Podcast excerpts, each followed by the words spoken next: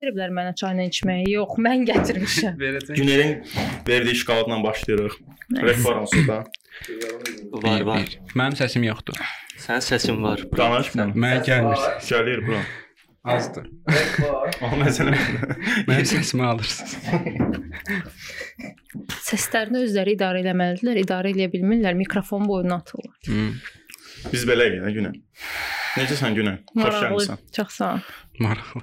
E, çəkilişdən gəlirsən deyəsən, hansısa çəkilişdən Yox. yubandım biraz gec. Hə, yox, de- bu yolda dedim. Ee, Sayıl səncə ağzındakını danış. Siz deyil. Qulağımın dibində Bilmirdim, ağzımı burama qoymuşdum. Okay. səhnə mədəniyyəti bura qoyursan Qoyur ora ki, sonra bir də açsa onu yeyər. dəvə sahil deyirik biz ona. Ya mən dişimdə blombum düşüb. Ora qoyuram. Məncə bu qədər iyrənclik artıq bəsdir, verilişin başlanğıcı.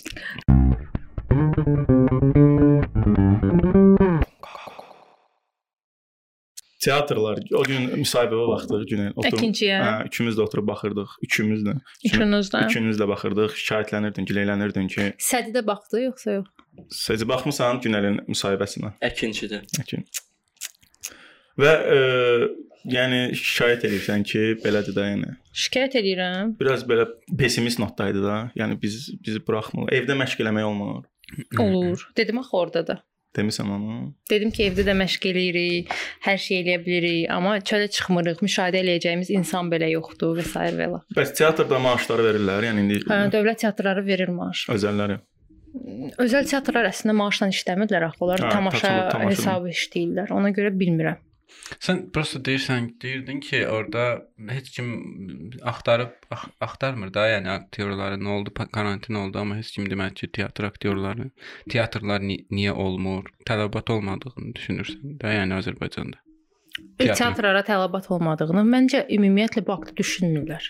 Yəni Tələbatdan e, hə, yəni məsələ e, tələbat deyil. Məsəl üçün tamaşa oynanılanda onsuz da tamaşaçı gəlir. Azdır, çoxdur, bu yəni başqa mövzudur. Amma tamaşaçı var. Sadəcə olaraq o tamaşaçıların hal-hazırdakı vəziyyəti bəlkə elə bir haldadır ki, heç Gəlməzlər, olsa belə gəlməzlər. Bəlkə də. Mən hətta orada bir söz işlətmişdim. O yoxdur. Mən dedim ki, pandemiya elə bir vaxt idi ki, teatrlar Məncə teatrlara daha çox insan yığmaq olardı. Hı. E, çünki heç bir alternativ yox idi axı əyləncə üçün. hı. Bütün gün hamı evdə filan. E, teatrların tamaşa onsuz da dövlət verir də. Tamaşaların e, bilet pulunu azaldardılar. Kiminsə e, ehtiyacı olan adamlar, əylənmək istəyən adamlar tələbat daha çox olardı, gələrdilər. Özə teatr elə bir yerdir ki, iki sidinyadan bir oturmaq olar, maskada oturub baxmaq olar. Orada heç kim bir-birindən ünsiyyət qurmağa ehtiyacı yoxdur. Rusiyada olub əslində. Yəni Rusiyada ə, konsertlər, stand-uplar olub. Yəni adam ə, s- distantla da, yəni iki masa buraxa-buraxa, yəni hamı oturub baxır. Azərbaycanda bu heç bir olmadı. Heç heç bir konsert olmadı, nəinki teatrda. Hə, Yəni, hə, heç nə olmadı. yəni sırf buna Məntiqsizdir o biraz. Ya, avtobusa icazə var, amma teatra yoxdur ki, şey, virus yayılar. Avtobusda özdə də metronu bağlayıblar deyə hamı avtobusla gedir gəlir axı. Ümumiyyətlə belədir də, sıxlıq, yəni bu belə nəfəs al. Maska ilə ümumiyyətlə nəfəs ala bilmirlər falan. lök belə. batan avtobusu var şey. Yəni. Də orada təzadlar var, amma teatrda yəni məncə heç bir türklərdə filan mən baxırdım, var idi, eləyirdilər. Ayrı-ayrı otururdular da insanlar məsafəli otururdu, nəsə eləyir. Eləyirdilər. Bir də onlayn eləməyə çalışdılar nələrsə, amma onlayn ümumiyyətlə teatr onlayn eləmək məncə mümkün deyil, hə. E, Canlı sənətdir də bir növ. Yəni, internet Bir də üzərindən. bir də əgər biz istəyiriksə, əgər onlayn eləyək, onda çox yaxşı aparatur olmalıdır ki, Hı. kinoşunu çəkə bilsinlər. Yəni Hər əsa- kadr. hə, hər kadrı, hər aktyoru ayrı-ayrılıqda götürə bilsin Hı. filan. Yoxsa bir dənə kameranı qoyurlar ortalıqda ortaya. Oradan səhnəni Rejissorluq lazımdır da, yəni. Onun üçün ayrıca rejissor olmalıdır, bəli. Məncə yoxdur Azərbaycanda belə bir rejissor ki, teatrı kino kimi yəni göz Trierimizdən Var, filmi var da belə. Dogville. Dogville-da hə, səhnələr qurulub taxtadan və teatr. E, Nə nə elə də demirəm. Hə, Mən lap belə professional məsələyə də getmirəm, amma ümumi ümumilikdə belə nə isə belə maraqlı çəkmək olardı. Hətta e, Yunanistanda idi, hardaydı bu pandemiya dövründə 24 saatlıq tamaşa festivalı oldu. 24 saat Hə. onlayn yoxsa? Hə, onlayn. O Tamaşaçılar da gəlmişdi ora, amma 24 saat hamı orada qaldı. Hə, Həm də video çəkdilər onlayn hə, tamaşa. göstərdilər, amma o elə çəkmişdilər ki, onu mən orada hər detalı görürdüm. Bir də məncə ümumiyyətlə Azərbaycanda belə bəlkə Azərbaycanda yox, ümumiyyətlə teatr rejissorluğunu yaxşı eləmirlər heç yerdə. Mən teatrlara getmirəm də çox belə açıq deyim. Yəni, bunu deyəndə, bunu getməyən adam da bunu deyir. Hə. mən e, demirəm, mən teatr həvəskarıyam. 100% deyilsən o sözü Deyirəm onsuz da, hə. Mən getmirəm teatrlara. Amma mən ondan e, internet üzərindən izləmək istəyirəm bunu. Mhm. Yəni belə bir e, məndə belə bir Teatrı yəni niyə internet üzərindən izləmək istəyirsən? Mənə çox maraqlı deyil bu proses. mən sırf teatrı internet, internet üzərindən olsun demirəm e, teatr. Yəni teatrı yox, teatr- tamaşanı da, teatr Hı. binanın adıdır. Hı -hı. Hə, tamaşanı tamaşanı. nəyə görə internet üzərindən izləmək istəyirsən? Çünki mən ora getmək istəmirəm. Nəyə görə o- getmək istəyirsən? Mənə çox maraqlıdır. Prosta niyə Bilirsən bu niyə? ayaqlarımı yorub ora Yox, getmək? məsələ o deyil. Mən sənə izah eləyim də. Mhm. Mən bəzi maraqlarım var. Onsuz da nə bilim konsertlərə gedirəm, musiqini canlı izləməyi xoşlayıram deyək ki, müəyyən maraqlarım var və bunların arasında teatrı canlı izləmək yoxdur. Yəni bir insan bütün bu şeylərin hamısını öz maraqları arasına qatıb hamısına vaxt çatdıra bilməz. də. Yəni demirəm, eyni ola bilər ildə bir dəfə, ayda bir dəfə də getmək lazımdır bəlkə də, amma nəsə marağımı çəkməyib. İndi o, o mövzuya qayıdacam mən. Yəni burada məni günahlandırırsan ki, sən niyə teatr- Yox, yox, Hə, yox, Məncə yox. də eləmirsən Mən günahlandırmıram. Mənə sadəcə olaraq fikir maraqlıdır ki, tamaşanı niyə internetdən izləmək istəyirsən? İnternetdən izləmək istəmirəm. Sadəcə deyirəm niyə yoxdur internetdə. Yəni min- mən gedə bilmirəm. var. Çox azdır və çox e, belə deyim də elə bir onlayn ümumiyyətlə e, ekran başından e, tamaşa izləyən insanları o qədər də şey eləmirlər ki, yəni tamaşa e, canlı performansdır və onu ekran başına düzgün çəkiliş olmur, nə bilim keyfiyyətsiz olur. Bir dənə rəng zad düzgün olmur. Baxırsan, email baxmaq istəmirsən də ona. Yüz Yəni ondan heç olmasa yaxşıdır da. Yəni 100% mən də eyni şeyi bayaq deyirəm də. Deyirəm çəkiliş o qədər ə, mənasızdır ki, bir dənə ortadan kamera qoyurlar, səhnəni ümumilikdə çəkir, aktyor orada nə edir, heç kim xəbəri yox. Yəni ə, bu maraqsız prosesdir. Yəni əgər yenə də deyirəm, kinoşnu çəkilməlidir əgər bir tamaşa çəkilirsə. Hı. Sözüm onda deyil. E, sadəcə olaraq tamaşa canlı sənət olduğu üçün mənə maraqlı olan ə, bütün ha- hamı yaza bilər bu barədə. Əgər belə fikirdə olan adamlar varsa, nəyə görə canlı sənətə, necə ki caza gedib dinləyirik, canlı sənətdir, oturub e, nauşnikdə dinləməkdən çox istəyirik gedək canlı-canlı ifasına baxaq həmin musiqiçinin. E, həmin aktyorun canlı ifasına niyə baxmaq istəmirsiniz? İstəyirəm, əlbəttə istəyirəm. Məsələ odur. Mənim marağımı çəkən o mövzuya qayıdacağam deyə sadəcə bunu danışmaq istəyirəm əvvəlcə. Ağlayıram da mən. Məsələ Ya bir də sözü kəsilən var. Sənin də bir fikrin var idi, müsahibədə vermişdin ki, ə, hər şey dəyişir də. Yəni 100 illiklərlə mənim Hamlet əsərini oynayırlar və bu indi eyni cür oynan 100 il bundan qabaq oynanılsa, bu maraqsız olardı. Rejissorun fərdi yanaşması olmalıdır da bu əsərə, bu Ümumiyyətlə Hə. hər ə, istənilən dövrdə, dövrdən fərqli olmayaraq, ə, ümumiyyətlə in, istənilən əsərə əgər bir rejissor götürür Mars məsələn, deyə də burada Mars reklam eləmirəm. Ə, məsəl üçün burada bu şokolad var. Əgər mən bu şokolad haqqında tamaşa qurmaq Yox. istəyirəmsə, mənim bu şokolada aid şəxsi fikrim də olmalıdır. Mənim yoxsa nəyimə lazımdır Hamlet ya başqası. Yəni maraq maraq dairəm nəyə görə sırf o əsərədir. Əgər o əsərədirsə, hə onda mən e, ona aid öz subyektiv hansısa bir yanaşmamı da qoymalıyam və özümün e, mənə rejissorların hərəsinin özünün öz xətti var. E, xəttin əlavə öz stili var. O stilə də uyğunlaşdırmalıyam. Məsələlər var da. Məsələn, Trierin filminə baxanda başa düşürsən rejissoru ki, bu Trierin filmidir. Nəyə görə? Çünki öz stilistikası var. O stilistikanı da qoymayan rejissora mən necə baxa bilərəm ki? Mən tamaşaya baxanda deməliyəm ki, hə bu filan rejissorun tamaşasıdır. Bəlkə ancaq rejissor elə Shakespeare gördüyü kimi görür bu əsəri və belə göstərir yəni. Shakespeare-in gördüyü kimi Yəni yazdığı görən kimi hələ rejissor görməmişəm. Shakespeare-in gördüyü kimi, yazdığı kimi eyni ilə e, görən hələ ta tamaşaçı olmayıb. Onsuz da gəzən rəvayətə əsasən heç Shakespeare özü də yazmır, Hə. bacısı yazıb. Ümumiyyətlə Shakespeare deyirlər mifdir, yəni Shakespeare olmayıb. Belə Yəni çox söhbətlər bu gəzir. söhbət e, bir dəqiqə Shakespeare-in bacısı bu şeydən oxumusunuz bunu, o Ay Allah, arvadın adı yadımdan Hə, çıxdı. Hardan Bir otaq, bir yadıma gəlmir, amma belə bir məlumata sahibəm. Hı. Dedim satın burada bu fikri. Okay, e, bu məlumata hardan sahibsən? O yadıma gəlmir. Ya Bir dənə e, oxumuşam. bir dənə kitab var, bir oxumuşam. otaq, e, bir qadının qadınlar nəyə görə e, mən o əsər nə idi Allah əsərin adı? Feminist yazar. Hə, feminist yazar Virginia Woolfun belə bir əsəri var, bir otaq, şəxsi Mhm. bir otaq. Yoxsa şəxsi otaq, nəsə belə bir şey. E, bu əsərdə belə bir mövzu var. Mən bunu bilmirəm dəqiqliyi ilə, amma mənim oxuduğum qədərini orada Woolf yazmır ki, e, bilirsiniz necədir? Əslində e, Şekspirin bacısı yazırdı, amma Şekspir öz adına keçirib belə yazmır. O deyir ki, təsəvvür eləyin, siz deyir kişilər bizdən soruşursunuz ki, nəyə görə bütün e, yaxşı rəssamlar kişilərdir? Nəyə görə Aşpazlar. adını çəkmiş bütün yazıçılar kişilərdir? Nəyə görə nə bilim yaxşı musiqiçilər kişilərdir? İndi deyir mən sizə onun izahını eləyirəm. Belə ki, e, təsəvvür eləyin deyir Şekspir e, yox, onun bacısı bu işləri görməyə çalışır onun əsrində. Ə, Şekspir belə eləyəcək. Necə elədi? Yazırdı, ailəsini atdı, ailəsi əslində icazə vermirdi, ailəsini atdı, getdi teatrın qabağında başladı süpürgəçilik eləməyə, sonra başladı ə, əsərlərini verməyə və s. sıxıcı gəlirsə söhbətim. Yox, qulaq as. ya. Çox maraqlıdır. Davam et, davam. Nəysə.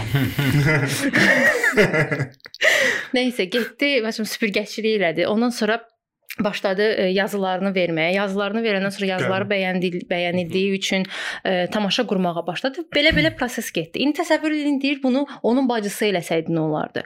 Birinci növbədə onun bacısı yaza bilməzdi.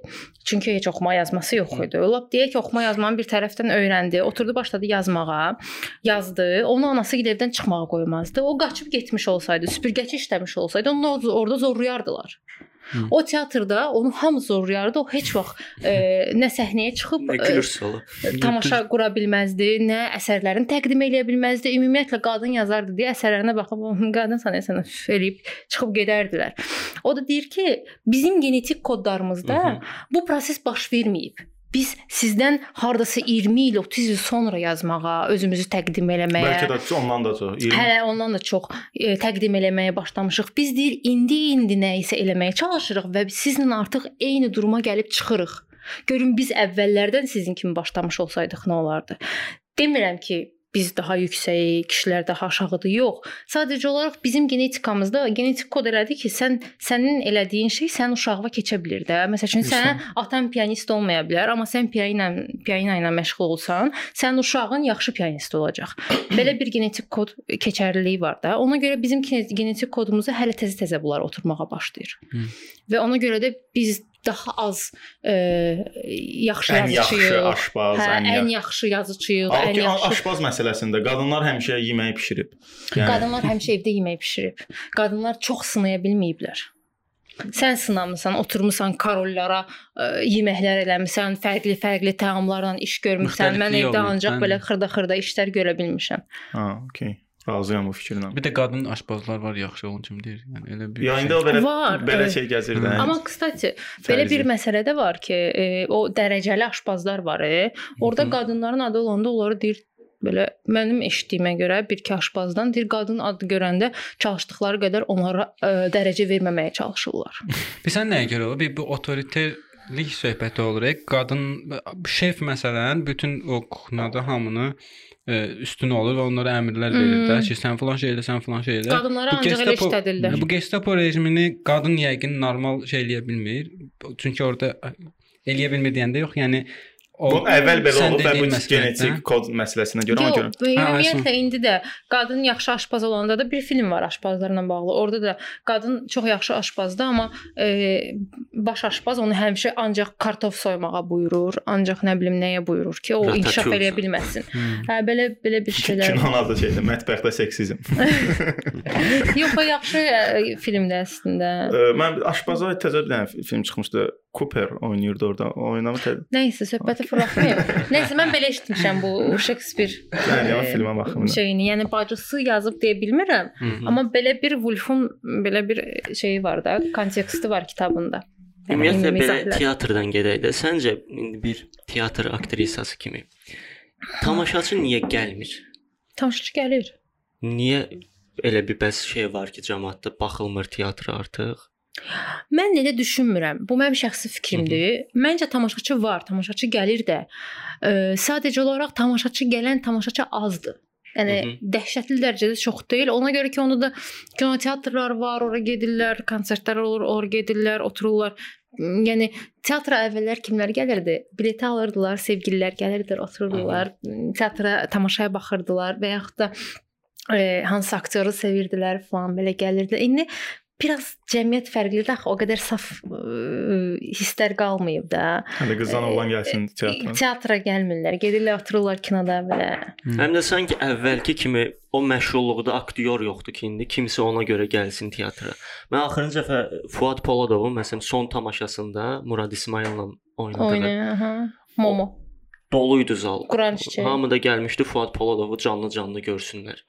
Yəni belə bir aktyordur adam. O canlı görmək istəyir insanlar. Fuad Poladov üçün ə, çox tamaşaçı gəlirdi. Ya indi ya Şaqqa sözüm da onadır ki, elə bir aktyor var, tamaşaçı ona görə gəlsin baxmağa. Yəqin ki var. Yəqin ki var, yoxdur Yəni, yəni. Məsəl üçün ə, olsa- mən deyəcəm indi siz Məlikə Əsədov üçün gələn rayondan adamlar var. Gəlirlər, niyə? Uf, yəni ola bilər Məlikə Əsədov üçün. Mən heç yaxşı Min- mən baxmamışam onun teatrı. Baxmısan da yəni tamaşası. Mən oynamışam onunla. Okay, yaxşı aktrisadır. Yəni sırf teatrdır. Məncə hə, niyə deyir? Yəni bir də ki, teatrda uğurlu olan e, belə deyək də aktyor kino üçün onun üçün heç nədir onda. Yoxsa yox. Yəni mənə elə gəlir ki, teatrda e, belə deyək də per, qəşəng performans göstərən aktyor kino üçün yəni heç nədir. Ancaq kinoda okey yaxşı göstərə bilən, teatrda biraz yəni sıxıla bilər. Sən də bunu sən həm kinoya da çəkilirsən, həm e, yəni Məncə teatr- belə deyil. Tamam ayrı ayrı məktəblərdir. Tamam ayrı-ayrı məktəblərdir. Çünki yəni çoxu teatrdan çıxmış aktyorlar məncə daha belə yəni Teatrdan çıxmış aktyorlar daha dolğun, Dolğun olurlar. olur. Amma ə, təkcə filmlə film işləyən aktyorlar, onlar çox ə, yığıb toplaya bilmirlər özlərində nələrsə. Amma toplaya da bilərlər. Ə, mən bildiyim qədərilə hamını, yəni dünya ə, sektorunda da hamını teatrda az da olsun işlədirlər.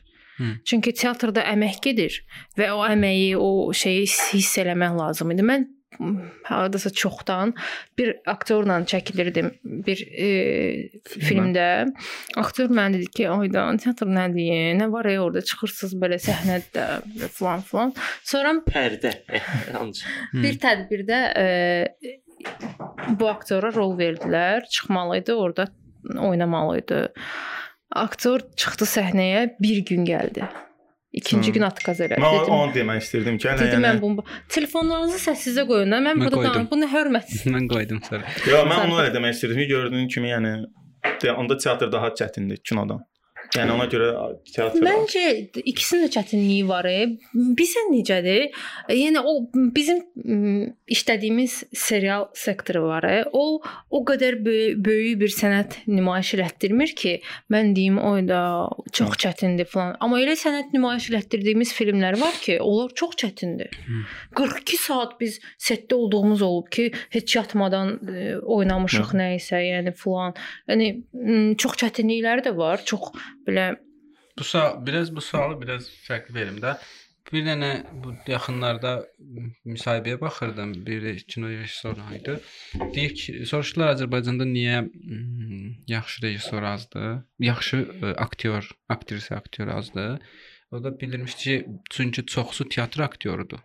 E, filmlərdə oynamaqda çətinlik çəkirlər və yaxud da çox dolğun oynayırlar deyə mm, biraz şeysə, məsələn, üz mimikalarını çox istifadə eləyirlər. Belə bir şey var idi.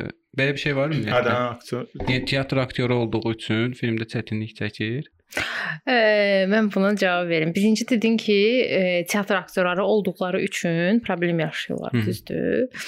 Kim idi o adam? Royal Paşayevin e, st- podkastı Türkan. Hə, Türkan. Türkan Türkan soyadı bilmirəm, rejissor rejissordur yəni. Ha, filmi var. Film e, festival filmləri ancaq çəkib, belə YouTube-da və yaxud heç bir platformada yoxdur məndə. Hə, Vimeo-da olmalıdır deyəsən. Bəlkə yaxşı rejissor tanımıram da, üzr istəyirəm. Bəlkə yaxşı rejissordur. Mən Azərbaycanda birinci növbədə e, böyük şəkildə aktyorla işləyə bilən rejissor tanımıram. Tanımıram deyəndə tanıyıram, amma böyük şəkildə e, bunu həqiqətən çox möhtəşəm dərəcədə e, bacaran adam, bacaran rejissor azdır. Və rejissorlar hazır aktyorunu işləmək istəyirlər. Belə heç nə işləməsinlər də. Çünki onlar çox çətindir aktyorla işləmək. Rejissorlardan biri var ki, e, ha burada olan hamı tanıyır o rejissoru. O rejissor heç vaxt aktyorla işləmir, çünki aktyorun işləyə bilməz. Çünki aktyorun işləmək qabiliyyəti yoxdur. Məsələ odur. Aktyorun işləmək qabiliyyəti, aktyorun dilini tutub onunla işləyə bilmək o çətin məsələdir. Bir. İkincisi də ki, mimikalardan söhbət gedəndə böyük oyunlar oynayırlar falan. Böyük oyun oynayırsa aktyor, deməli onun içində nəsə var. Sən onu azalda bilərsən də. Azalda bilmirsənsə sən rejissorun səhvidir. E, elə bayaq Dogville dediyi Nicole Kidman'ı mən heç bir filmdə bəyənməmişdim Dogville-dən başqa. Hı. Dogville-də mən Nicole Kidman'ı tamamilə başqa cür gördüm. Deməli rejissor Trier o çapıb da Trier yəni. də əjdahatdır. Yəni o rejissordur da, rejissor aktyorun üstünlükdür. Onda yəni teatr aktyoru olmağı əksinə üstünlükdür də. Əlbəttə üstünlükdür. Sən təsəvvür elə bir var ki, çox xırda iş görürsən və e, böyüdə bilmirsən. Bir var böyük. Mən sənə elə bir ki, böyük e, çay verirəm, ağzı dolu belə. Sən deyirsən bunu az istəyirəm. Mən gedirəm başından tökürəm, gətirirəm sənə. Hı. Yoxsa az gətirsəm sənə, sən yeyəcəksən? İkisi də fərqli-fərqli metoddur. Da, kamera önü aktyorluq Tamam ayrı-ayrı şeylərdir. Tamam ayrı-ayrı şeylərdir. Amma e, aktyorla işləyə bilməyən rejissor gəlib deyəndə ki, bə bəlkə Türkan işləyə bilər, ona sözüm yoxdur. Mən görməmişəm. Amma deyəndə ki, bilirsiniz, teatr aktyorları çox böyük oynayırlar, azald. Rejissor deyilsən, çap, işdə. Niyə lazımsan onda? Kamera monitorun qabağında oturub yox, yox, yox eləməyə, stop eləməyə. Nə lazımsan? bu yaxınlarda Hikmət e, interaktda. Hikmət nə idi? E, soyadı. Türkan sonra məni edəcək. Yox, rol Rəhimov. vermişik. Hikmət Hə, Hikmət Rəhimov idi də deyəsən, aktyor. 3-cü adam filmi nəsə də film hər şey yadımdan çıxdı. interakt. İsmət Əlimovdur. Hə. Hə. Interakt bu yaxınlarda müsahibə aldı onlardan. Deməli, e, orada dedi ki, mən rola başlayanda ümumiyyətlə rolu qəbul eləyirəm. Yəni rolu alandan sonra ondan hazırlaşıram, nəsə bir uzun müddət hazırlaşma prosesi gedir. Sonra hə, yəni sən ücə səhər oyananda artıq həmin adam kimi oyanırsan və s. və s. Və artıq bir yerdən sonra sən ücə gedib rejissordan, rejissordan bu haqqda heç soruşmamalısan da. Yəni rejissorun orada onun ən qədər işi olur və sən e, onu artıq narahat eləməməlisən. Çünki rolu artıq sən hmm, mənimsəməlisən də. E, o belə çıxır ki, yəni onda aktyorlar hər dəfə roluna hazırlaşandan sonra e, gedib rejissorla da bu rolu məsləhətləşməlidir və hər- hər dəfə filmdə rejissor akt hər aktyorla tək-tək məşğul ola bilməz axı. Yəni nə qədər aktyor var.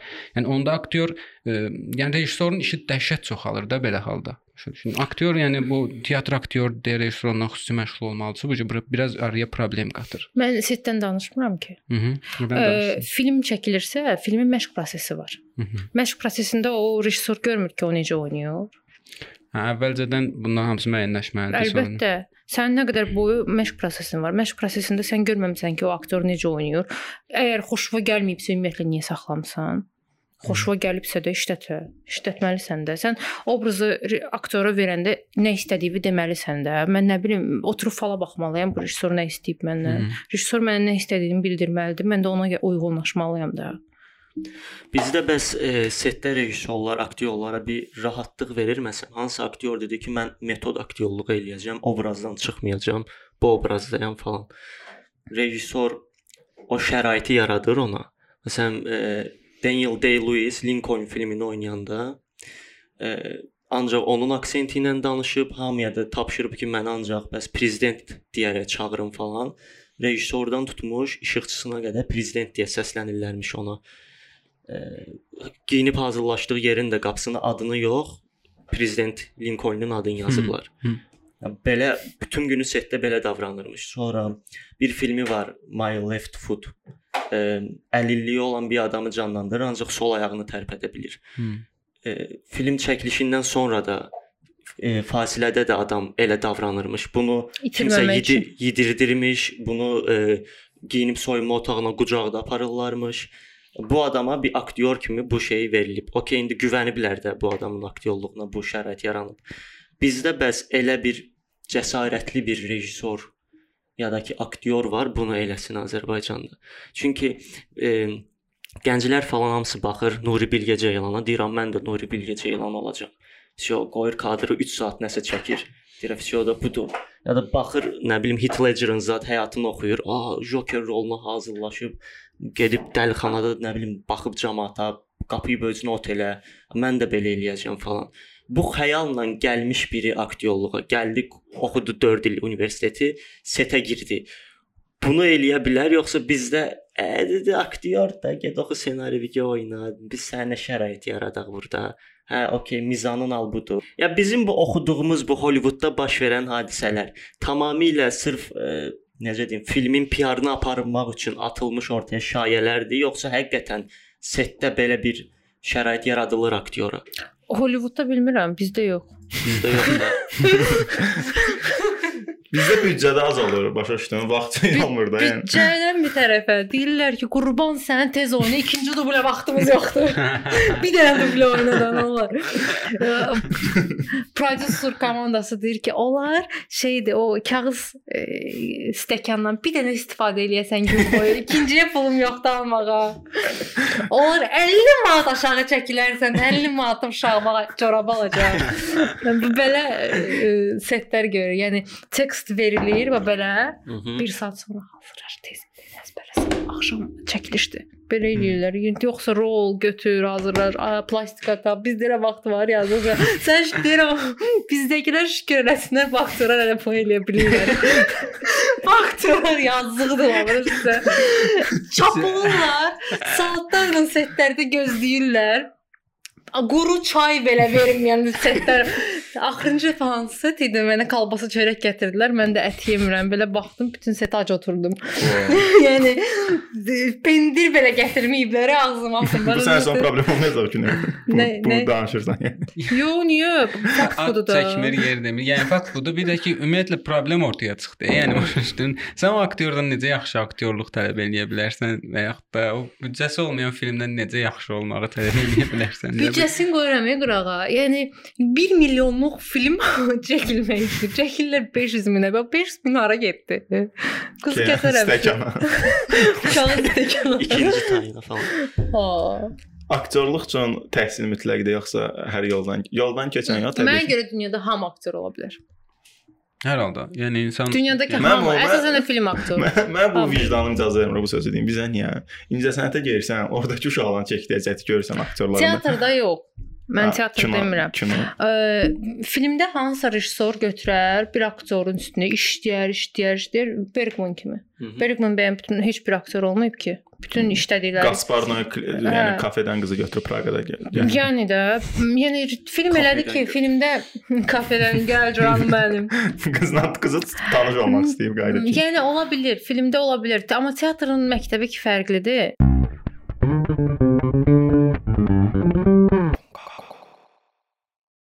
Universitetlərdə belə bir şey olur ki, film aktyoru ayrıca təhsil alır, teatr aktyoru ayrıca təhsil alır. Elə olur? yəni? Bizdə yoxdur. Elə Ə, olmalıdır. Film məktəbi yoxdur. Yəni aktyorların ə, incəsənətdə sən də incəsənətdə oxumusan da. Mən oxumamışam, mən dolaylı yolla kurslarla öyrənmişəm. Hə. Pərviz müəllimlə. Pərviz Məmmədov. bəli. Bir müsahibəndə demisən ki, teatra gəlməyimdə ən yəni yol açan müəllimlərdən biri olub Pərviz Məmmədov. Pərviz müəllim ə, ümumiyyətlə çox şey öyrədib mənə. Çox sağ olsun. Bizim mənim də indi müəllimimdir. Hmm. Səhnə hərəkəti. Buradan Pərviz müəllimi salamlayıram. Əcdahan. Respekt. Respekt, respekt Pərviz müəllim. Bəs e, bu işi bilən biri olaraq Məsələn, indi video bloqerlər falan qısa filmlər çəkir də, əməlli başlı işığı falan çox peşəkar. Atlarını çəkməyi hamı bilir kimdilər. Onlara baxanda həmin bu İncəsənət Universitetində öz yoldaşlarınla qəribə bir şey olur. Yəni biz bu qədər təhsil almışıq, 4 il keçmişik, dibinə qədər bilirik bu işi.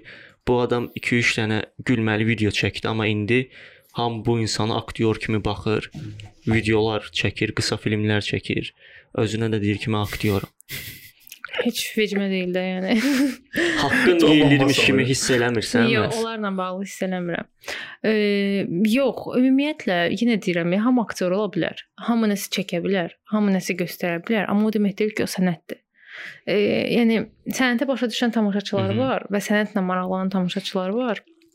e, tamaşaçıların çoxu da sənətlə maraqlanmır axı. E, heç kim mən inanmıram onların videolarının altına siz böyük e, sənət nümayiş elətdirdiniz bu belə bir şeylər yazan var. Mən bilmirəm. Bəlkə Var, də var. var. Hə, yox, mən yenə deyirəm, çox yaxşı eləyirlər. Məncə onlar çox bomba eləyirlər. Ən azından nəsə iş görürlər də, boş-boş oturub avarçılıq eləmirlər. Ay belə böyük-böyük söhbətlər eləyib gəlib nə, biz böyük şey qoyacağıq ortalığa, indi görün də demirlər. İstədiklərini xırda-xırda çəkirlər, öz ə, özlərinə uyğun oynayırlar bacardıqları qədər və efirdədirlər. Bəyənən də baxır. Yəni bu böyük problem deyil. Bunu problemli aktyorlar da başa düşmürəm. Çünki insandır, çəkmək gəlir ürəyindən, oynamaq gəlir ürəyindən. Çəkib oynasın da sənə nə? Hı.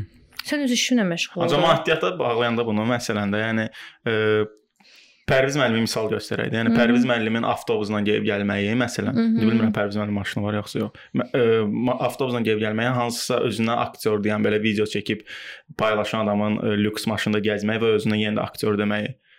Bu bu artıq cəmiyyətin problemidir. O aktyorun problemi deyil. Cəmiyyətin ona daha çox hörmət eləməyi, cəmiyyətin ona daha çox ə, baxmağı, e, ümumiyyətlə bu tip işlərin daha aktual olmağı məsələsidir. Yəni belə bəzi aktyorlar var ki, komediya filmlərində çox oynayırlar və həmin komediya filmlərində sponsorlar deyir ki, falan həmin aktyorlar olmasa mən ora sponsorluq eləmirəm. Çünki baxmayacaqlar. Düz də deyir. Onun nəyinə lazımdır? Yaxşı film. Ona lazımdır ki, yaxşı pul gətirsin. Açıq danışaq da. Sən Ado teatrında da işləmisən. İndi də işləyirsən. Mhm. İndi adı teatrın tamaşa yoxdur. Tamaşa yoxdur. görə. Ado teatrdır, yoxsa onu başqa bir qolu saymaq olar teatrın? Yəni səncə o teatr sayıla bilər orada göstərilən tamaşalar? Niyə də yox? Yəni tamaşa sayıla bilərmi? Mhm. Yəni oranı teatr sayırıqmı, saymırıqmı? Yox, o da özünə görə teatrdır, müasir. Hay can, can. Dedi Gəldi. dayan. Burada dayan. şey istəmir biz nəsə verilişi. Dir mənlə məşğul ol da. E, ümumiyyətlə e, bilmirəm han, hansı ölçüdən, meyardan baxmaq lazımdır ki, ə, müasir teatr belə olmalıdır, yoxsa müasir teatr belə olmalıdır, yoxsa müasirlik nədir və s. Adonun yaxşı performansları var. Ado ə, hər halda başqa teatrlara nisbətən sözünü nü tamaşası ilə deyə bilir hansısa bir momentdə. Bəs tamaşaçı başa düşür o sözünü deyəndə, yoxsa Məncə tamaşaçı onun tamaşaçısı başa düşür. Mənə elə gəlir ki, ora gələn çox adam sadəcə ado çox belə qəribə tamaşaları var, davay gedək, çünki biz bütün Adamın gün şərab içib şeir yazırıq. Adamın qəribə var. tamaşaları yoxdur axı. Necə yoxdur? Hansı tamaşası qəribədir? Ring tamaşasına gəlib baxmışdım mən, mənə çox qəribə gəlmişdi orada baş verən hadisələr. Mhm. Ring tamaşası haqqında danışaq biraz. Danışaq. Sən oynamısan da orada. Oynamısan da sən. Bizim tamaşaçılar, canlarım mənim, ürəklərim mənim. Siz o qədər öyrəşmisiniz ki, tamaşalar sizə çiynənsin, çiynənsin, çiynənsin, ağzınıza qoyulsun, heç nə düşünməyəsiniz. O qədər belə tamaşalar öyrəşiblər ki, Mhm. Düşündürülən tamaşaya hansı ki tamaşa düşündürə bilər, o tamaşaya baxmaq istəmirlər. Mən bilmirəm ring nə qədər düşündürə bilir. Mhm. və yaxud da e, yəni motiv odur. On- Ondan danışıram ki, demirəm bomba tamaşadır, siz gəldiniz, baxdınız və düşünməli idiniz, e, düşünməli tamaşa. Ondan danışmıram. Biz prosta tamaşaçıları o qədər öyrəşdirmişik ki, hamımız çiynirik, çiynirik, əsəri Mhm. uduruq, hər şeylə veririk tamaşaçının ağzına. Tamaşaçı da bir xoşbəxt çıxır, cahil xoşbəxtliyi gedir. Biz e, öyrəşməyiblər bizim tamaşaçılar baxıb tamaşaya fikirləşmək barəsində. Heç yoxdur elə bir tamaşa. Yox da var. Pantomimada da var. Oranda da görürsüz tamaşaçısı ancaq biletlə gələn tamaşaçı deyil, qonaq Mhm. gələn tamaşaçıdır. Pantomimada da yazılar azdır da tamaşaçısı. Pantomimin iş sistemi də qəribədir. Biraz səhv eləmirəmsə 6 bazar işləyib həftə içi işləmirlər, nəsə fərqli idi onlardan axırıncı dəfə baxanda. Həftə içində tamaşalar olmurdu, tətil sayılırdı. Həftə sonu tamaşa var idi. Məsələn 25 nəfərlik də o. Keçən oxudum məsələn 25 nəfərlik yer var ancaq pantomim teatrında. Ümumiyyətlə teatrlarda birinci gün iş gün deyildi. Bu- Bəs onlarda mənə elə gəlir ki, elə çoxdan olmuşdum. İndi yadımda deyil tam. Onlarda tamaşalar 6 bazardır. Hı -hı. Tam e, birinci gün vxadnoydu. E, qalan günlər də məşq günləridir. Hı. Bu tam tamaşaçının az olmaq mövzusuna bir də qayıtmaq istəyirəm. Mən çox Mhm. maraqlıdır. Kom Ümumiyyətlə kommersial Bunu da deyən adam heç vaxt teatra getmir.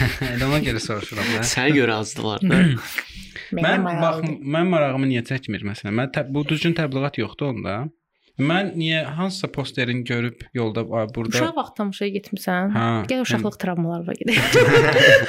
Sonradan sən uşaqlıq travman var heç. Əlbəttə Bunu var. suallara yazmışdım. Maraqlıdır mənə. Harda hansı suallar yazmışdın? Yəni sən verəcəyin Hə. suallara. Burada da. Orada yazıb ki, sən uşaq o qədər, eyni qədər.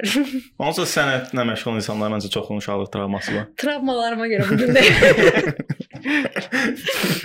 Hə. Günəli gün eləyən travmalar. travma. Yəni də mən yolda gedəndə hansısa posterini görüb teatrın görmüşəm nəsə ruslar gəlir burada nəsə eləyir, tamaşalar onun posterlərini çox eləyirlər. Çünki orada bir kommersiya var da daha çox pul qazanmaq üçün onu pul verib gətizdirirlər. Bu nə qədər xərc çəkilir. E, Bunun marketinqində yaxşı eləyirlər ki, müştəri, müştəri çox olsun, çox qazansın. Yerli teatrlar olur, amma mən görmürəm. Mən bunun nə bilim marağım düzdür, bəlkə də mən özüm Mənim araşdırıb gözümə getməliyəm. soxmalılar, mən görmürəm onu. Gözümə soxmalılar yox, e. Bu mən deyək ki, sənin bu gün ro e, rol olacağın bir yer var. Və Mhm. sənin rolun mənə maraqlıdır. Amma mən mən bundan xəbərim olmur.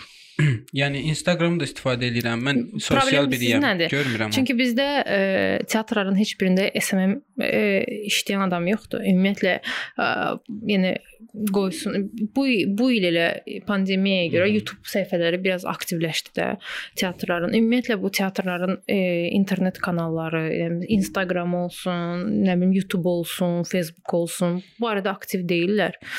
Bir məsələ budur. SMM ümumiyyətlə başa çıxmır.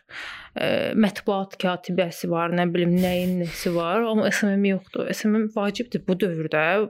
SMM çox vacibdir teatr çünki tamaşa haqqında yazsın, aktyorlar haqqında yazsın, Mhm. tamaşa haqqında məlumat versin, onu satsın, Mhm. e, dollarla şey pulla qoysunlar reklama. Çox Niyə xərcli bir şey də deyil də. Yəni əslində Hə, bunun teatr- qazancını da çıxarda bilərlər. heç əslində, yəni dövlət teatrları üçün heç e, böyük bir məbləğ deyil də. O onsuz da reklama pul, pul ayrılır. Afişa o qədər pul xərcləməkdənsə, onunsa internetdə bu qədər. Afişalarda o deyil elə bil bəzən. Yəni, Yəni dizayner yola verir. Diqqətimi çəkmir, yəni Afişaları afişalar- adətən rəssamlara elətdirirlər də- mən bilirəm. Hı. Belə bir şey var. dizayneri deyil. Qonaq Yox da. Qonaq məsələn məni e, əsaya çağırmışdı Nihat, dəvət eləmişdi ki, belə bir şey olacaqdı. E, mən ona görə get getmişdim məsələn əsaya. Belə şeylər olsa məsələn ödənişsiz müəyyən şeylər ola bilər. Demirəm ödənişsiz çağırmışdı deyə getmişdim yox. Sadəcə mənim heç xəbərim məsələ. yox. Hə, o da məsələdir. O da məsələdir. Məni teatra alışdırana qədər bir müddət məni ödənişsiz də dəvət eləyə bilər. Mən də yox insanlar. Mənə dəvətnamə ver gəlin. Pul xərcləyəcəyin şeyə bir müddət insanda maraq yaranmalıdır. Hmm. Mən teatrın nə olduğunu bilmədiyim halda necə gedim ona 8 manat, ya da 10 Deyirsən ki, manat verim. Netflix axı mən bir həftə pulsuz baxıram sənə. Niyə baxa bilmirəm? mən, net, mən Netflixdə, yəni o filmdir və filmə marağım var. Məsələn, teatra marağım. Teatra niyə filmə marağın var, teatra marağın yoxdur? O ucu biraz qəribə. Pirat baxa yəni. bilirəm çünki. Çünki teatr Pulsuz baxa bilirəm. Adı bu adam simicdir. Sən qarnıma çörək mən alırsan. Netflixə ödəniş eləyirəm. Pirat baxmıram, ödəniş Aa, eləyirəm. 100% neçə nəfər ödəniş eləyirsiniz bir Netflixə? 5 manatdan atışırsan. ailə hesabı alandan sonra fərqi nədir ki, 6 nəfərlik hesabdır. Yəni o 24 dollar ödəniş eləyirəm də. Yəni Tək 5 sən nəfər 24 dollarlıq ödəniş eləyirsən. Yo, yo, yo, 4 nəfər istifadə Yəni edir. də Çünki ondan 4 aşağı. akkaunt yox, İkisi Pakistanlıdır, qonaq gəliblər ölkəmizə. 4 akkaunt verir də, yəni 4 Hə, nəfər dörd- istifadə Məndə niyə yoxdur belə Netflix Mən bu bu səsimi tutsun deyə. Sən də Yox, səsin tutmur. sən özün qulaq assan, olur. özün də biləcəksən sən necə rahat, ə, necə qəşəng səslənir başa düşdün. Sən indi bilmirsən sən. Bayaqdan lomudmuş kimi oturmuşam dimdik burada. Hmm. Yox, əslində yəni. Elçin sual ondan ibarətdir ki, teatr nəsə eləməlidir ki, tamaşaçı ona baxsın, yoxsa öz öz sadəcə sənətini göstərir. Hə. Yəni teatr borcludurmu ki, Elçinin marağı yoxdur teatra, düzdür? Elçini cəlb etsin o teatra, yoxsa yox? M- Teatrın borcu Təbliğat, yoxdur evet. Elçinə. Amma e, yəni əgər biz məsələ danışırıq ki, teatr özünü reklam Ha, eləməlidir, okey, ki, məsələn. tamaşaçı yığsın, reklam eləməlidir, bəli. Necə ki, afişa keçmiş zamanda idi da bu afişa dövrü, hamı gəlirdi, afişada oturub baxırdı. İndi axı e, hamı Facebookda, Instagramda reklamlarına. Biz e, paltar belə alanda girirsiniz hansısa Hı -hı. e, reklam olmuş butiklərə baxırsınız da, yəni məsələ odur. Hmm. Bu da doğrudan da dirənir, yəni SMM-də Hı. teatr qalıb, yəni yəni SMM yoxdur da, yəni ki, paylaşsın, eləsin, kiməsə maraq oyatsın ki, filan aktrisa. Mən belə bir stat eşitmişdim kimdənsə deyirlər ki, aktyor elastik olmalıdır. Var belə söhbət. Yəni elastik nə mənada? Mən görürəm aha, hansısa aktyor gedir, hansısa rol üçün çəki artırır, nə ki, mən onun kök adama çevrilir. Hə, Christian Bale var da, çox açıq. ə, Christian Bale bunu həm neçə dəfə eləyib. Sonra Jared Leto John Lennon'ın o Hmm. həyata dair filmdə nə qədər kökəldi. Amma Mənə biraz Azərbaycan üçün soruşum? Mənə çətin. biraz absurd gəldi bu. Niyə? Absurd gəlir də. Yəni kök adamı oynamaq üçün niyə bir aktyor getsin kökəlsin də? Yəni o qədər Kim aktyor kökəl, var operator zaten. kökəlsin. Yox. Yo, deyir o qədər kök aktyor var ki, Yəni, onlar dünyada həqiqətən aktyor çoxdur və kök aktyorlar da var da. Niyə ümumi bu adam getdi o rola görə kökəldi və bu da şey oldu ki, ah rola görə kökəldi falan. Yəni aktyor kökə elastik olmalıdır. Elə bir şey var. E, e, prosta məsələ ondadır. E, rejissorların bəziləri bir aktyoru istəyirlər. Hə, Məsəl üçün elə rejissor var ki, o deyir ki, məsəl üçün e, sədi olmalıdır. O şeydə mən sədini görürəm Hı. o rolda və kökəlsin. Sən kökələrsən günə. Hə, onsuz kökəlmişəm. Fırat da söhbət. Mən əslində rola görə kökəlmişəm indi də. Yox, Amma kökəlmişəm. nəsə. aktyorun belə bir məcburiyyəti yoxdur da. Yəni ki, onu eləyə bilməsə sən Onu- ona deyəsən sən onda Onu yaxşı eləyə aktyor bilməmək deyilsən. söhbəti deyil ki, Hollywoodda belə deyil sistem. Səni kökəldirlər, sonra da sənin pulunu verirlər, idmana yazdırırlar, dietik e, yeməklər və alırlar ki, arıqladırlar o filmdən sonra. Yoxsa bizdə kim kökəldin, alqışlayırıq, oynadın, sonra getdin necə kökəlsin, kökə arıqlayırsan, Yox, arıqladı. o, o deyil sual. Bu kökəlmək istəmədi deyək ki, bu rolu qəbul eləmədi. Sırf mən bu eləyə bilmərəm deyir. Mhm. Bunda pis aktyor sayılır. Yox. Hə, belə müqayisələr var ki, bu adam roluna görə kökəldi, əjdaha aktyordur. Belə bir şey yoxdur. Əjdaha aktyor demirlər. Deyirlər ki, o da görürsən İşinə əziyyət- əziyyətini çəkir. İşini ciddiyə alır. E, Ciddi almaq da deyil. İstəməyə də bilər hansı. Mütləq deyil ki, e, bütün qadınlar desin ki, hə, bu filmdə saçımı keçər kəstirməliyəm. Yəni onlar elə qadın var ki, istəməyə bilər bunu və rolu qəbul etməyə bilər. Bu çox normativdir. Yəni prosta bəzi aktyorlar var ki, bunlar üçün fərqi yoxdur. Plastik plastilin məsələsi o deyil. Hə, plastilin idi o söz mən bayaqsan səhv. Plastilin məsələsi o deyil. Hı, Nədir o Plastilin məsələ? məsələsi ə, rola bürünmək məsələsidir. Yəni sən hər ə, cür rol oynaya bilməlisən. İstir komediya olsun, istir drama olsun, istir dəli olsun, istir bomj olsun, istir var olsun, istir kasıb olsun. Sən o o plastilində olmalısan ki, mən sədində oynamalıyam, ə, onda oynamalıyam, səndə oynamalıyam, səndə oynamalıyam, hamını oynaya bilməliyəm. Səni Hı. plastilin kimi səni işləyə bilməliyəm öz bədənimdə. Nə bilim, sənin jestlərin, ruçkavı belə oynatmağın, ə, onun mikrofonla belə-belə danışmağı, yəni gözündən belə baxmağı, hamısını belə aydın şəkildə ə, tamamilə sənə çevrilə bilməliyəm. Düşdüm. Plastilin məsələsi odur, yoxsa kökəlib arıqlamaq deyil. Müsahibədə oxurdum mən 2015-ni deyəsən. Deyirdin Tarantino deyəsən. Sən niyə kövrəldin? Səsim tutuldu, nəsə şey kimi oldu. Qorxduyu məndən. Plastilin. Millət görürsüz, belə qonaqlar var ki, onları danışmağa qoymurlar. Ay, kommentlərdə ümid edirəm heç kim yazmayacaqlar özünüz danışdınız. Yox, bu əslində podkastdır bu, müsahibə deyil. Biz burada söhbət eləyirik. İzah eləyin də tamaşaçılara görün. Söhbət bizə nədir? Murad Arif götürüb bizim komment atıb, alov atıb da Efraim. Qaqaşın biri yazıb ki, Murad Arif, xahiş edirəm Efraimi qonaq çağırın. Bizi bəyənməyib deyib qoy o da çağırsın. Bir də ondan dinləyək Efraim. Murad Arifin də verir pis deyil, maraqlı oldu mənim. Yəni o sırf müsahibədir də. Yəni İnsanlar biz- sual cavab istəyir də biraz. Sual cavab. Sən belə yəni. Yəni bizim öz subyektiv fikrimiz də var. Yəni biz də öz fikir bildirə bilərik də. Mənim də verişim yaxınlarda gəlir, orada baxarıq görün nə edirsiniz. O, qəşəng. Hə, Tarantino sevirsən, yoxsa fikri dəyişmisən? Yəni 2015-ci ilin deyəsən müsahibəsi idi ki, Tarantino Tarantino yenə sevirəm. iş- Oynaya bilərsən Tarantino kinosunda. Tarantino. Çağırdım mən də getmədim qəbul. Mən sevirəm Tarantino. Hə, ola da bilər. Yo, doğrudan var yəni iki yerə bölünür. Elə adam deyir ki, Tarantino var. populistdir. Onun yəni adınızdır. Yox, şəxsiyyətin yox ya bu filmlərində. Şəxsiyyətlə bizim nə işimiz var? Yəni populist olmağın falan mövzusu deyil. Hə, yox, mən sevirəm onun filmlərini. Mən ilk dəfə belə art house filmə ilk dəfə onun filmi olaraq baxmışam. Uşaq Olsun, nəzər. Yəni belə postmodernizmdə belə ilk dəfə belə kommersial olmayan bir filmə baxmışam da. Bu film kommersiya deyildi və mən bunu başa düşdüm. Onda mənim var idi 10-12 yaşım. Kill Bill-ə də baxmısan. Nəyə Yox, baxmısan? Kill Bilə Bill. yox, ə, şeyə 5 ilin ipsidir da. Pulp Fiction. Yox, 5 ilin ipsi ən birinci filmi də İngiliscə necə adı? Killer, ə, Born Killer, Killer idi, nə idi? İngiliscə adını bilmirəm yəni. 5 ilin Burn to be Nə idi? Born to be. Hə, bu film- o filmə baxdım. Özü də çox ucuz büdcə ilə çəkilib da film. O Yəni bilinir də, yəni çox ucuz büdcə ilə çəkildi. Şal var, orada nəsə söhbət Yəni mən o var. filmi o vaxtdan sonra bu yaxınlarda açdım birini oynadım. Yo, mən də bəyəm. Şeydə adınızdı Amerikada orada bir dənə söhbət var. Gollywoodiyalı Amerika nə idi?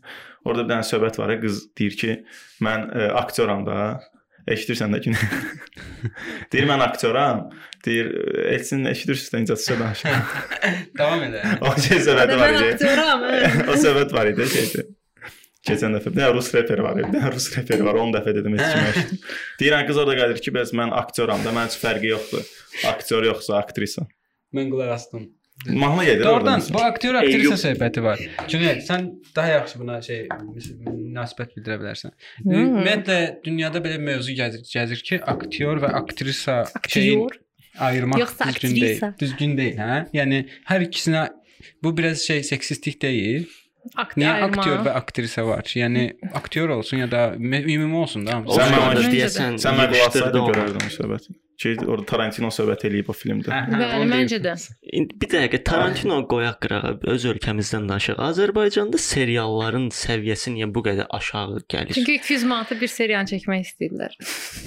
Bizdə seriallar 40 dəqiqə olurdu özdən. Nə maksimum 40 dəqiqə. Maksimum 40 dəqiqə. Amma 1 saatlıq serial da var. Şey, yuxu kimi, yoxsa nə? Türklər çünki Şey, şey bildiyin meeting falan eləyir ki, 2 saatlıq serial olar, bir bölüm 2 saat çox uzundur. Ola bilsə niyə eləyirlər türklər? Ə, yarım saat, yarım saat kəsib dünyaya həftəlik serial kim satırlar? Ona görə 2 saatlıq eləyirlər öz ölkələrində. Aydınlandı. Aydınlandım indi. İşıq gəldi deyirəm baxa. Bizdə yəni 40 dəqiqədir. Mən də Vaxtı məzələnir yoxsa normaldır. bilmirdi. Mən yox. Mən də bilmirdim bunu. Onsuz da özdə həftəlik çəkirlər axı. Hətta Aşkı ora belə bizdə yayınlayırlar. Onları günlük satırlar. Hə, günlük satım. Bizdə yəni tələm tələsiyə gəlir yoxsa o dediyin kimi 200 manat, 200 manat çox qeyri-real Mən- gəlir. Yəni, Necə 200 yəni ola mən bilər? şey eləyirəm, amma yəni çox az büdcə ilə bir serial çəkməyə çalışırlar. E, oradan da deyirlər, ay Allah qəzet istədi. Bizdən qəzeti hardan tapaq? Hı. Ay Allah, aktyor şeydir müəllim, sizin ağ sarıçqanız var. E, yox, yoxdur. Tapa bilərsiniz. Tapa bilmərəm. Hmm, niyə niyə? Bəs büdcəmiz də yoxdur. Belə qaldı. Ona görə rejissor həmişə öz qohum əqrəbasını çəkir də, bilir onun axsoroçqası var falan. Tam toyda görmüşdüm. Var idi liderdə bir dənə serial gedirdi. bir, bir mənzən gəlib belə. Şeydir, gün zəhmət olmasa sabah çəkilişə gələndə klassik yubka ilə ağ sarıçqı gətirərsən, ilk ablıq götürərsən. Deyirəm yoxumdur. Necə yəni yoxdur? Aktrisa deyilsən. Deyirəm aktrisayım deyə mənim mütləq klassik paltarım olmalıdır. Deyir özü al qoyda hansı səhnədə lazım ola bilər. Deyirəm ki, sənə qədər pul qazanmıram mən. Bu doğrudan çox pisdir. Yəni aktyora zəng vurasan ki, maşın da 07 ilə gəldi. Ha, o bir dəfə qalsın. Zəng edirlər ki, qardırobu çək atda bir dənə. Sən yazın. Evə almaq istəyirik. İçinə atırsan, yox, qapısını bağlat bizə. Geyim rəssamlarını da qınamıram. Bizdə Azərbaycanda ən böyük problem prodüserlərin əslində ə, kartof satmaq lazım olduğu yerdə film çəkməkləridir. Ən böyük problemdir.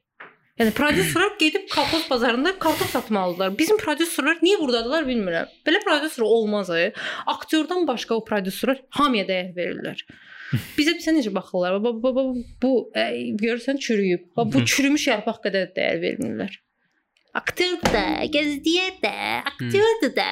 E pula baxanda qədər qaldı. Hə. Hə. Bəs nəyə gedir bu maliyyənin 5 çoxu? manat, hə, yaxşı. E, aktyor 5 manata gələcəklər də əslində. Bəs nəyə gedir? Lan nəyə çox nəyə üstünlük verirlər ki, prodüserlər okey. E, apara, e, a- aparatura.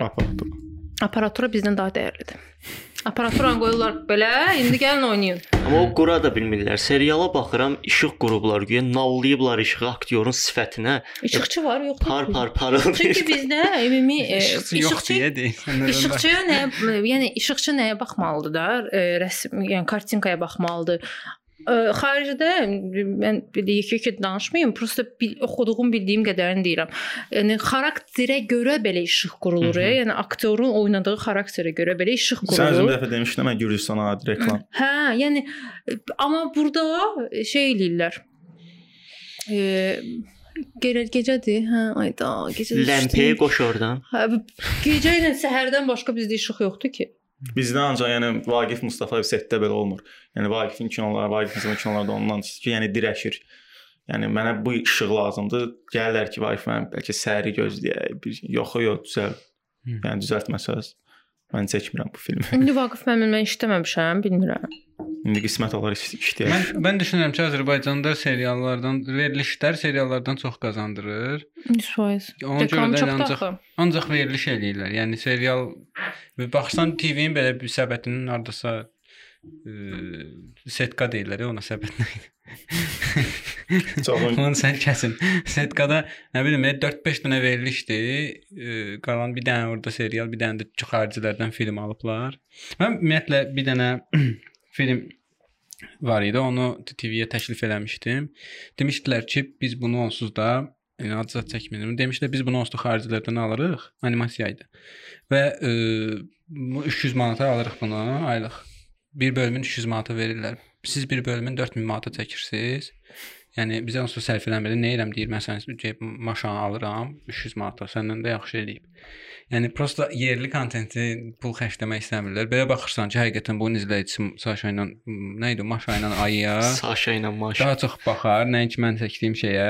Və buna niyə bu qədər pul versin? E, söhbət kommersiyadan gedəndə həqiqətən məntiqsiz gəlir. Amma onun mənim dediyim məsələdir də. Yəni adam o aktyora bax baxanlar pul qazandıracaq ona. Nəyə görə ə, hansı başqa aktyor çəksinlər ki? İzləyici də Bizə serial aktyoru da qonorar, yəni bölümlük alır, yoxsa bir kontrakt falan bağlayırlar o aktyorla ki, yəni bax bu qədər çəkir, bu indiki- qədər verir. İndiki vəziyyətdə davamlı ə, rollar aylıq maaşa baxır. Hı -hı. Yəni belə çünki productionlara elə sərf eləyir. aylıq vermə. Ancaq aktyora məncə o sərf eləmir. Saat çünki aylıq verirsə 12 saat işlədir gün ərzində, 14 saat Nə işlədir. qədər istəyir işlədir. Ha, Hmm. Yəni saatla olsa xaricdəki kimi də, yəni saatla alırlar aktyorlar. Zor olar. Əvvəllər günlə idi, gününə görə pul alırdı. Gördülər gününə görə olanda ə, işləmir, keçdilər aylığa. No adi bir reytinqli ə, serialın baş rolda aktyorun aylıq gəliri nə qədərdir? Bilmirəm ki. Təxminən. Mən hardan bilirəm? Təxminən bilirsən də. Valla bilmirəm. Hər aktyorun başqa qiyməti var. Yəni aktyordan aktyora dəyişir də Azərbaycanda. Hmm. Bir də Okey. Sovet filmləri səncə zordur. Yəni belə bir şey var. Sovetin film möhtəşəm idi, Sovet o vaxt. Yəni belə bir söhbət var da. Çox amma Sovetin bizim Sovet vaxtında çəkilən filmlər, bir də ki həmin vaxtda dünyanın başqa yerlərində, hətta postsovet ölkə, digər postsovet ölkələrində çəkilən filmlər onlar onlar daha yaxşı eləyiblər baxanda. Biz də oturub tərifləyirik. Əvvəllər bizimkilər də yaxşı idi əslində, belə Yaxşı idi, götürəndə. E, indikindən də yaxşı idi məncə. Amma ki o belə o vaxt biz əjdaha film eləyirdik. Amma elə deyildi də, yəni biz dünyaya çıxmamışıq. Məsələ o deyil. Məncə e, problem odur ki, biz o vaxt e, pəncərədən gördüyümüzü çəkirdik. Yəni pəncərədən nə görürdük çöldə, onu da çəkə bilirdik. Yəni o cəsarətimiz də var idi. İndi o cəsarətimiz yoxdur.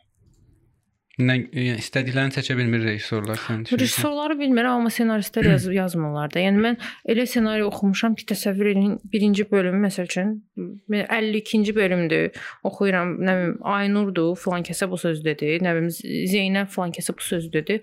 Açırsan, 2 seriya sonra yenə eyni söhbət eləyirəm və eyni cümlələr deyib copy paste edib atıblar yəni Hmm. şeyə, ssenariyə. Bilmirəm, məncə o qədər də yaxşı ssenaristlər varsa da, yəni seriallarda işlətmirlər heç beyinlərini, deyirlər əşi. Gün- Günbəgün yazım tez bazar qutar. Çətindir bəlkə də. Çətindir. Yəni e, çox da çox bəziləri çoxdur, heç bir-birlərindən xəbərləri yoxdur, nə yazırlar, sonra birləşdirirlər. Hə. Bəziləri e, çətinlik çəkirlər. Bir də axı qaynana e, gəlin mövzuları haqqında nə qədər fantaziya fikirləşə bilərsən ki, maksimum. Məişət mövzuları. Xərçəng oldu, biri öldü, dirildi, maşın vurdu, xaricə getdi, nə bilim, e, qaynana e, gəlini döydü, döy, dö gəlin qaynanaya söz dedi, filan çay gətirmədi, döydü, filan filan, filan nə qədər ola bilər ki? Maksimum hansı dərəcəyə qədər? Bu şablondan necə çıxmaq olar bəs? Türklər məsələn götürdülər internet platformaları falan yarandı. Hardasa o standart türk serialı şeyindən çıxıldı. Ən azından bir rəqabət yarandı. İnsanlar bildi ki, ha, belə işlər də görülür. Nə bilim, şəxsiyyət serialı çəkdilər, getdi e, nə oldu? o? Grem Grammy idi. Emin E. Emmy, Emmy aldı Haluk Bilginer. Serialın özü orada göstərildi, dünyaya çıxdılar. Hı -hı. Bizdə bəs nə qurtarar da bu şablon qırılar, insanlar fikirləşər ki, okey, doji qaynana gəlin söhbəti bəsdir də. Yəni Əslində qaynana gəlin söhbəti pis söhbət deyil. Mən bir dəfə də bunu vurğulamışam. Day bəsdir qaynana gəlin söhbəti, amma qaynana gəlin söhbətində bax məsəl üçün bir seriala baxırsan, görsən ki, qaynana gəlini döyür. Düzdür?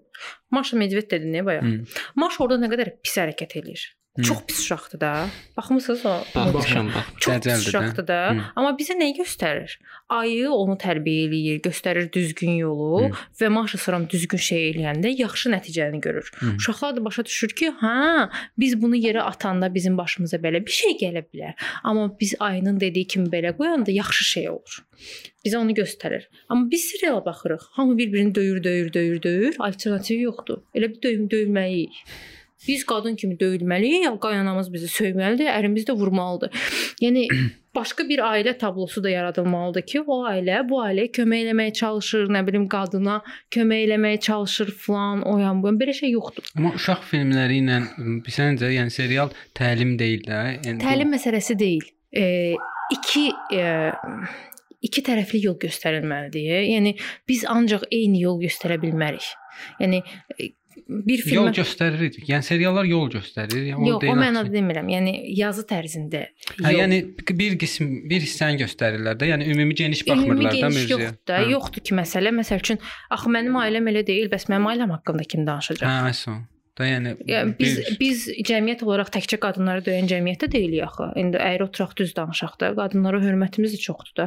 Marşrutda belə avto, avtobusda durursunuz, e, qadına yol verirsiniz də. Yəni m, hörmət əlaməti olaraq onları zəif gördüyünüz. Bizim cəmiyyətdə tək maraqlı şey odur ki, Səncə biz biz, onu, yəni biz deyəndə onu zəif hörmət əlaməti olaraq yoxsa zəif? Məncə, Məncə zəif. zəifliyi üçün eləyir, e, yəni şuuraltı olaraq, amma şuurüstü olaraq onu düşünmürük. Şuurüstü olaraq sən deyirsən ki, ay Allah, anam kimi qadındır da, anama necə hamı yol verir. Mən də onu empatiya. Hə, belə məsələlər var. Mənə məsəl üçün yol vermir heç bir kişi. Bilmirəm. Qonq gəldi. Nədir? Slay düşüb apros. Artıq marşrutdan istifadə eləmirəm. bəlkə bəlkə onu deyəsən yolu bilmirəm. Zarafat edirəm. Bu ancaq metro. Metroda mən sürürəm. Sırf sən görə açıblar metro. Yox, yox o məsələ hə, deyil. Yəni e, hər hər cür ailəni göstərməliyik də. Yəni biz axı deyirəm də pəncərədən baxdığımız hər şey haqqında danışa bilməliyik. Filmdə də, serialda da tə- təkcə bir yöndən getməməliyik. Nə nədir ki, dram dram teması olanda, nə nə nədir ki, qadına şiddət olub, qadın ağlayanda reytinq verir. Ona görə də bütün gün qadınları döymək olmaz ki. Kimsə yazmış deyir Xəzər TV-nə vaxt açıram Həmid Əmər ağlayır. Hamı ağlayır. deyir bəs də deyir bəyin orlamasında verirlər də. Rejissorların biri mənə bir dəfə dedi ki, sən deyir çox Avropa stilində oynayırsan. Bayaq dedim sizə. Bəs e, şərq stilində də oynamaq lazımdır. Şərq stilində nə dedi? Belə qaşlarınla, gözlərinlə belə oynamalısan. Elə Amaci. ağlamalısan, mamaci, ağlamalısan, nə bilim nə etməlisən. Dedim, "A bala, nə qədər ağlamaq olar?" Bu qızın həyat hekayəsinə görə əslində bu qız belə mənasız şeyə ağlamaz, e, yəni psixoanaliz eləyəndə. Sən məni hər seriyada ağladırsan, hər üstünə deyirsən ki, ağlayanda qaşlarınla, gözlərinlə ağla. Təbii Bizdə bəs setdə psixoanaliz deyəndə buna hmm, eləyən bir insan var yoxsa? Psi, psi nə? Psi. Yox, Budur. aktyorlar bilirlər. Aktyor bilir də, orada sənin o üstündə duran adam var, rejissor ki, bu işə baxmalıdır, sənə mizan verməlidir. O bunu bi- bilmirsə də öldü də Hə, söhbət. rejissor bilmir, amma bilən rejissorlar əlbəttə ki var. Kimlərdir məsələm olar? Məncə çox azlardır, rahat-rahat saymaq olar. Azərbaycanda işlədiyən ən zor rejissorlar. Yəni doğrudan xoş ol. Çətin sualdır. İşini bilən, Xoşuna gəlib də yəni sənin o işdən. işini bilir amma quruğu pisdir. O deyil. İşləyəndə ləzzət eləyir mənə, mənim ondan, yoxsa ümumiyyətlə bəyənirəm onu.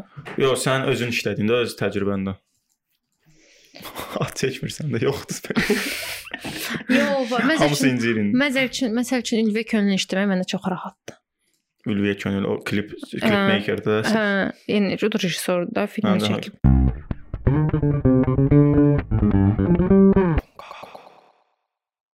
E, mən deyə həmişə qonşulara deyirəm ki, o xarab olan yeməklərinizi atırsınız zibləyə. Ondan sonra o görürsüz ki, köhnəlir və yaxud da yeməyəcəksiniz. Qoyun bir dənə belə qab, tas, yanında da su, qoyun qapınızın ağzına. O it yeyəcək onu sevə-sevə. Yanında da suyu içəcək. Əksinə sən qapını qoruyacaq. Deyəcək bu mənə yemək verir, mənim sahibim kimi baxacaq sənə. Döyməkdənsə ən gözəl Hə. yol odur da, yəni. Ona sahib çıxmaqdan, kömək eləməkdən. E, bəlkə canlıdır da. Yəni sən bunu sən öz səni də küçəyə atsam, o video düşsən, sənin yanında da oturmurlar da avtobusda. İyi gəlir. Ay, pis şey eləyirlər. İnsandır da. Göy ki səni şeydir, həmin o mimimi eləyən qızları götürüb ya da ki insanları götürüb ağzını bağlasan bir otağa, oradan bir dənə ifuniyet iyi gələcək həmin gündən sonra. Etim tökülür ev adamları mənim.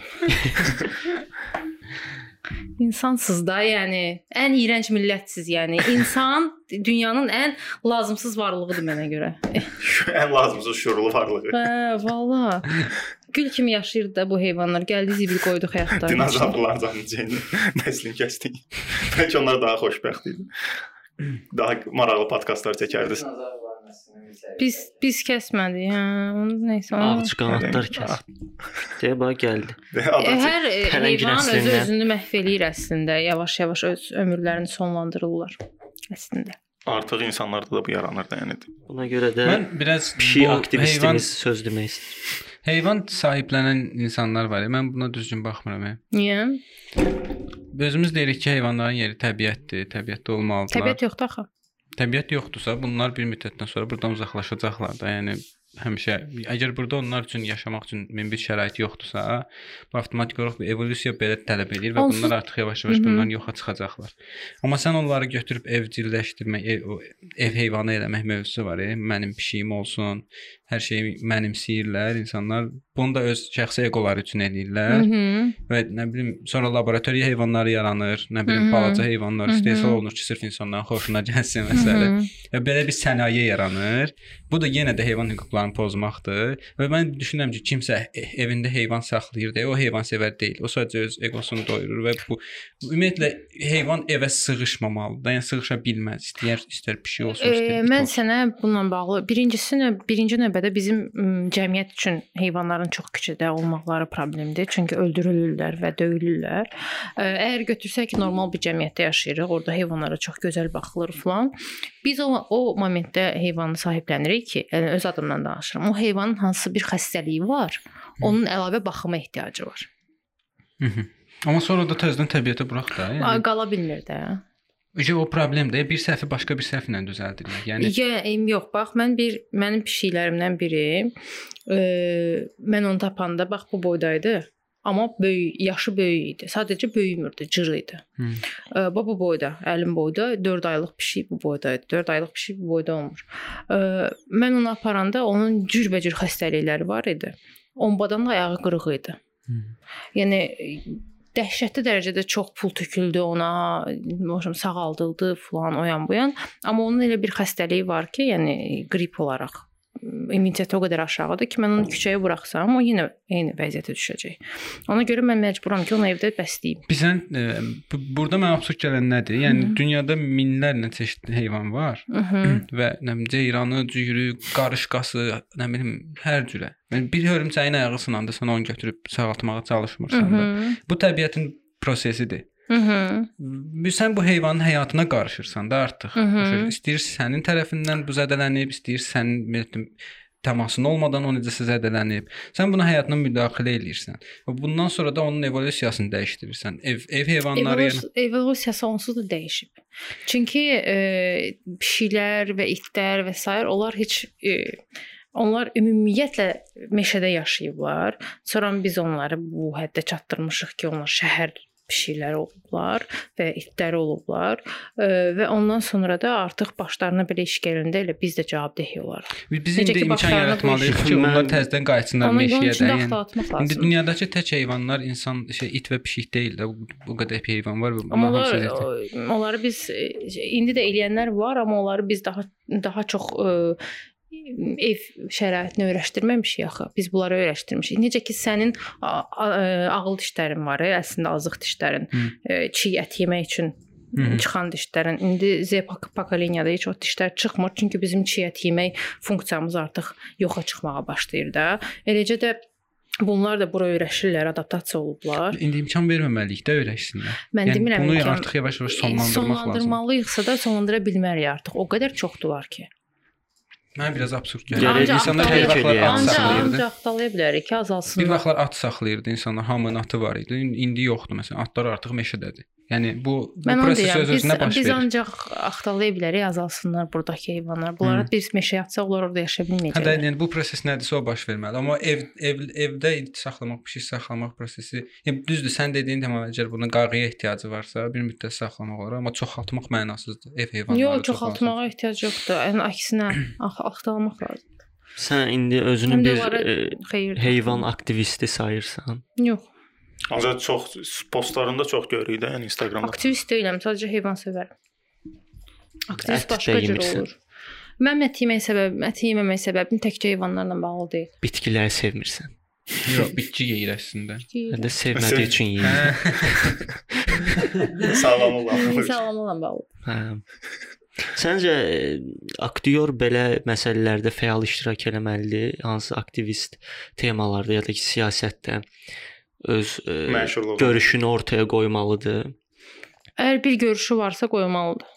Amma məcbur deyil də hər halda. Bir ictimai şəxs olubsa artıq və məşhurlaşıbsa, Əgər bir hamı fikri ondan varsa mövqe gözləyir də. Yəni əgər bir fikri varsa, məsəl üçün elə bir mövzu var ki, məncə hər qadın aktrisa və hər qadın e, məşhur bir e, populyar insan, m, kişiləri deyə bilmərəm, kişilərdə belə bizim cəmiyyətdə azdır fikirləşən, amma qadınlar ən azından dəstək olmalıdır qadına şiddətlə bağlı, zorakılıqla bağlı, uşağa şiddətlə bağlı, uşağa zorakılıqla bağlı və s. Bizdə ictimai simaların ümumiyyətlə belə bir problemi var. Məncə düşünürəm Azərbaycanda da. Yəni nəsə bir hadisə baş verir. İnsanlar hansı tan tanınmış şəxslərdən buna görə düzgün mövqe gözləyir və həmin şəxsin də heç özünün də düzgün mövqeyi olmur və həmin şəxs də əslində səhv mövqedə olur və o da insanları səhv yönləndirmiş olur da. Yəni e, ümumiyyətlə tamam ictimai şəxssənsə əgər fikrinin həqiqətən də düz ya da yanlış olduğuna əmin deyilsənsə, onu səsləndirməməlisən Adam məncə. Çünki- Əlində axı. Özünə görə əmindir və bu səhv bu bu adam düzgün fikri formalaşmamış Ə, adamlar olur mhm. çox vaxt, yəni bu məşhur şəxslərdə. Bu da problem yaradır başa düşdün? Mən belə düşünürəm ki, ümumiyyətlə səhvi düzü necə aydınlaşdıraq cəmiyyətə əgər bir mesaj vermək istəyiriksə. Səhv düz deyilən şey biz əslində belə götürəndə kimə görə, nəyə görə də, kimə görə səhv, nəyə görə səhv. Mən özümdə belə aydınlaşdırmışam. Bu hansısa insana nə qədər zərər verir və yaxud da hansısa canlıya, nəyəsə nə qədər zərər verir. Məsələn, mən çıxıram deyirəm ki, mən qadını şiddətə e, razıyam. Məsələn, mənim xoşuma gəlir mənim ərim mənə şiddət göstərəndə. Amma mən razıyamsa, ə, mənə zərbə dəyir, mən bundan xoşlanıram, amma mənim qarşımdakı qadın bundan xoşlanmırsa, mən çıxıb bu fikri deyə bilmərəm. Mhm. Ə, yəni öldürülürsə, mən çıxıb bu fikri deyə bilmərəm. Zərər çəkir axı. Bu adam zərər çəkir. Əgər zərər varsa bir şeydə, məncə onun onuna baxmaq lazımdır. Yoxsa bilirsiniz mən ə, bu rəngi sevmirəm deyə dünyada belə rəng ola bilməz. Çıxıb deyə bilmərəm. Bu absurddur. Kimisə xoşuna gələr, kimisə xoşuna gəlməz. Amma zərər çəkən insan və yaxud canlı varsa, zərər çəkmiş barədə danışa bilərik. Hı. Zərər çəkmə barədə hansısa bir sözümüzü deyə bilərik. Məncə pis səhvi ümumi cəmiyyət barədə bu haqqda düşünməliyik. Hı. Yoxsa insanların şəxsi həyatında olan hansısa proses səhvdir, düzdür, o bizə maraqlı olmamalıdır. Məsələ ümumiyyətlə kiməsə zərər dəyməyi ilə bağlıdır. Ölən insan, yaralanan insan, ona köməyə ehtiyacı olan heyvan və s. və bunun kimi şeylər. Bir də bayaq bir mövzu var idi. E, filmlərdə, məsələlərdəki cə- problemlərdən danışırdın. Məsələn, savadsız adamların e, ya da səhv prodüserlərin işin içində olmağından. Və sən bu sənə bu xoş deyil də, hansısa set və yaxud da hansısa mə- Hansı prodüser? hansı prodüser. Amma burada iştirak eləyirsən. Niyə görə iştirak eləyirsən? Yəni əgər xoş deyilsə və yəni professional deyilsə bu iş sənə görə nəyə görə iştirak edirsən? Professional rejissordan söhbət gedir yoxsa Ümumiyyətlə də, yəni Elə- burada elə- bir proses səni sən proses səni narahat eləyirsə. Mhm. Mən görmüşəm Azərbaycan seriallarında da iştirak eləmisən, teatrda da olmusan, filmdə də olmusan, yəni hər sahədə olmusan. Teatrda birinci mən çox sevirəm iştirak eləməyi, dəhşət sevirəm teatrı. E, filmi də sevirəm. E, seriallar isə bütün aktyorlar üçün belədir. Seriallar sadəcə pulumuz olmayanda pul yeridir ki, gedək çəkilək, biraz heç olmasa cibimizə pul gəlsin. Çünki biz teatrdan o qədər böyük maaş almırıq. Başqa iş görə bilmirik. E, nə bilim, film hər vaxt olmur. Ona görə də məcburuq ki, seriallarda gedək çəkilək, heç olmasa cibimizə pul gəlsin. Çünki indi məni qoyuram qırağa, ailə saxlayan adamlar var, Hı. kirədə yaşayan adamlar var. Mən aktyor tanıyıram ki, hər gün eyni şeyi alır. Bu boyda kalbasa, bu boyda pendir, çörək gedir evinə. Çünki başqa ala biləcəyi heç nə yoxdur. Bəs yəni bu səhv işlə iş, səhv proyektə, yəni özünün e, belə deyim də, özünün fikrinə görə bu proyekt düzgün proyekt deyil və sırf həqiqətən pulu yoxdur deyə burada işləyirsə, bu biraz şey deyil. yəni öz sənətinə hörmətsizlik kimi çıx olmur. Olur. Yəni artıq bu sən bu qədər əziyyət çəkmisən və aktyorluğun aliliyini hiss edirsən. Aliliyini mən özümdə hiss eləmirəm. Onu yalan deyərəm. Yəni bu sənətə hörmət eləyirsən də, Hı -hı. amma sənin bir, şeyin olmalıdır, bir duruşun olmalıdır və bunu pozmamalısan, sırf pul da məsələsi də olsa. Və bir çox aktyorlar, sən özün də niyə bu yola başqa iş görüb bir oradan da nəsə qazanc çıxarda bilərsən Hı -hı. bəlkə də, amma bu bir asanı seçmək olur, hə, biraz. Bəli. Onda özün eləyirsən də bunu. Eləyirəm. Hətta ə, hətta belə yanılğılarım da olur. Məsəl üçün deyirlər bir seriala başlayırıq, ssenarini oxuyuram, deyirəm, "A, obrazım burada çox maraqlıdır da, bunu belə eləyərəm, elə eləyərəm." Serialın 5 seriyasından sonra həmin obrazdan əsər əlamət qalmır, tamam başqa şey yazmağa başlayırlar. Artıq o imzanı çəkmişəm, işləməliyəm. Hı. Elə şeylər də olur. Bir dəfə sən bundan ağzın yalandan sonra təzədən təzədən buna getməyin və sırf yəni ki, cibimdə pul yoxdur, məcburam demək biraz mənə məntiqsiz gəlir. Və bu musiqiçilərdə də var bu məsələ, yəni pulum yox idi elədim. Olmamalıdır da əslində, yəni bir Əslində aktyor- olmamalıdır, düzdür. Hı -hı. Qatılıram mən də sənə. Azərbaycan kimi cəmiyyətdə bu qeyri-mümkündür də. Yaxşı da ağlama, dözür gəlsən nə olub? Mənim səsimdə Bəhram Mən Bağızadə. deyirəm, bu gün mən çox danışmışam. Bunlar o qədər danışmırlar ki, səsləri batırır oturmaq.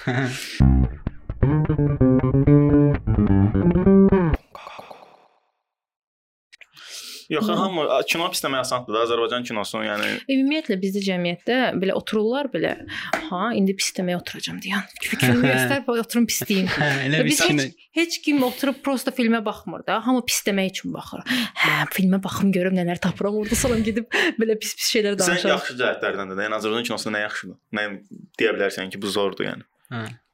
Yəni Hmm, pisləmək asandır da. Yəni yoldan birin Mənə hansısa film pis, yəni Azərbaycan filmində nə pisdir, nə yaxşıdır deyə bilmərəm. Azərbaycan filmində hansı filmlə danışırsan deyim ki, onun bu şey ümumi, ümumi götürsək ki, yəni işləmisən rejissor dedikdə okey, yəni sırf zövq verən tərəflərindən danışaq da. Yəni filmdə yenə deyirəm, yəni Azərbaycan filmini hamı pis deyə bilər də. Yolda birini desən, Azərbaycan filmi pisdir, zibildir. Deyə bilərsən ki, də, yəni Azərbaycanda çox yaxşı nə aktyorlar var və ya çox da grimyorlar var. Azərbaycanda çox sahədə- yaxşı aktyorlar var. Hə. Həddən artıq çox yaxşı aktyorlar. Bu ə, sistemdə bu cür şəraitlə bu aktyorlar işləyib sizə normal film təhvil verə bilirlərsə, mən çox ciddi deyirəm ha. Bu aktyorlar həqiqətən də gen aktyorlardır.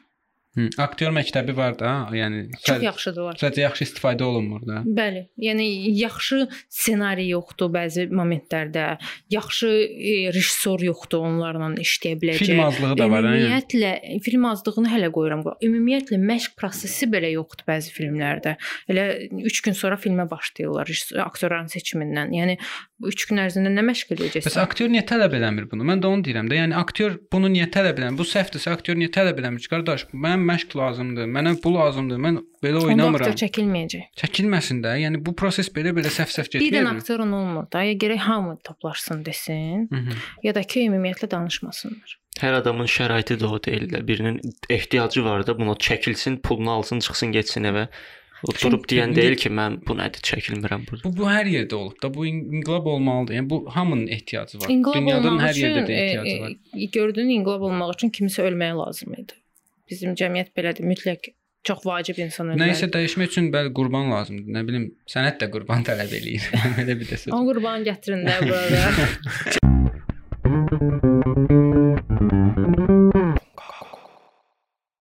Müsahibənin birində demirsən ki, Günər, e, Əzbəri bir müsahibələr. böyük fanatımdır canlarım mənim, böyük fanatlarımdır bunlar mənim. Mən fake profil.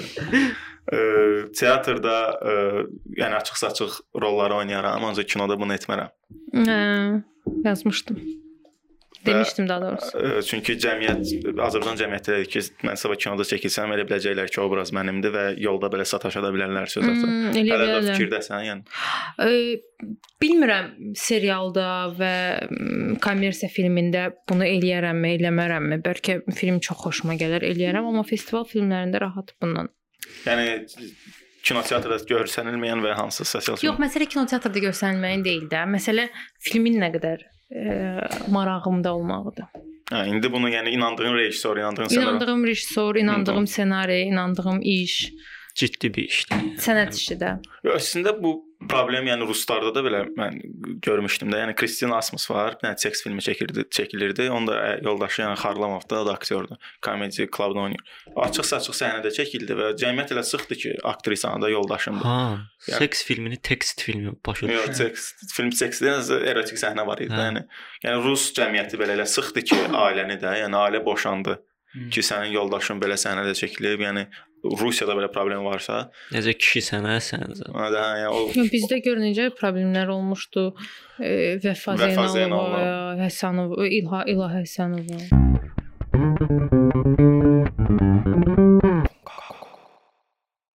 Mən ümumiyyətlə e, hə- bədən dili hərəkətlərinin verdiyi mənaya inanıram, amma bütün insanların ona görə elədiyinə inanmıram. İzah Necə? edə bildim? Yox. Mən başa düşmədim nədən. Suya axır. Yox. Yəni məsələn bir şey var, ya, qız saçını oynadaraq oğlana baxırsa, danışırsa, deməli oğlana xoşu gəlir. Hmm. Amma bəzi insanlar var, gərgin olanda saçından oynamağa Hmm. başlayırlar. Əslində heç vaxt xoşu gəldiyinə görə baxmır da heç ona. Heç yadın qa- qabağındakı kim olduğundan da xəbəri yoxdur. Əsəbdən Başqa elə. başqa beynində başqa proses gedir. Hmm. Ə, amma verdiyi mesaj odur. Hə. Yəni teatral olaraq verdiyi mesaja görə oynaya, oynaya bilərsən, amma bütün insanların elədiyi hər şey tamamilə bu jestlərdən ibarət deyil. Yəni eyni jestləri başqa mənalarda da işlədən insanlar O var. hiss olunur da amma. Və saçığı oynadanda əgər gərgin ol, gərginsənsə bu hiss olunur. Mən. Türkiyədə olanda orada bir İranlı e, couple var idi. Bunlar çox belə böyük sevgi yaşayırdılar falan belə elə. Mən e, səhər durmuşam, e, belə zavtraka gedirəm. Oğlanı gördüm, salamlaşdım. Salamlaşdı, salamlaşdı. Saçımı belə yığırdım rezindən. Qız gəldi ki, sən mənim oğlanımı sevirsən. Ağa. Rəddol burdan zad belə. Dedim, "Ha, bu nə kafa yaşayır belə." Yəni bu qədər də inanmaq olmaz da bu söhbətlərə. Jestdən jestə fərq var oğlan qalsa dünyada baxmazdım yəni. Ya insan var əsəbi olanda bizim tutalım sənin ac olanda elədiyin jest eləyir. Mən məsələn ac olanda fərqli bir jest eləyirəm. Amma siz açsızsa Test of Friendship-dən öz evinizə necə bağladım möhtəşəm şəkildə sponsora. Ümumiyyətlə, test friendship də ya vegetarian məhsulları da var. Sadəcə biz var. bilmirdik sən ət. Sən da vegansan ya vegetariansan? vegetarian da deyiləm mən. Sadəcə ət yemirsən də. Balıq əti yeyirəm. Hə, sən əslində onlarda var idi, bilmirdim sən yemirsən yox. A, Bu mən Bəlkə- burada deyirəm, bir dənə mən burada deyirəm, bu bir dənə. Oo. Oo. O da nə bomba. Okay. Canlarım gözdən gəlirəm. Nə oldu?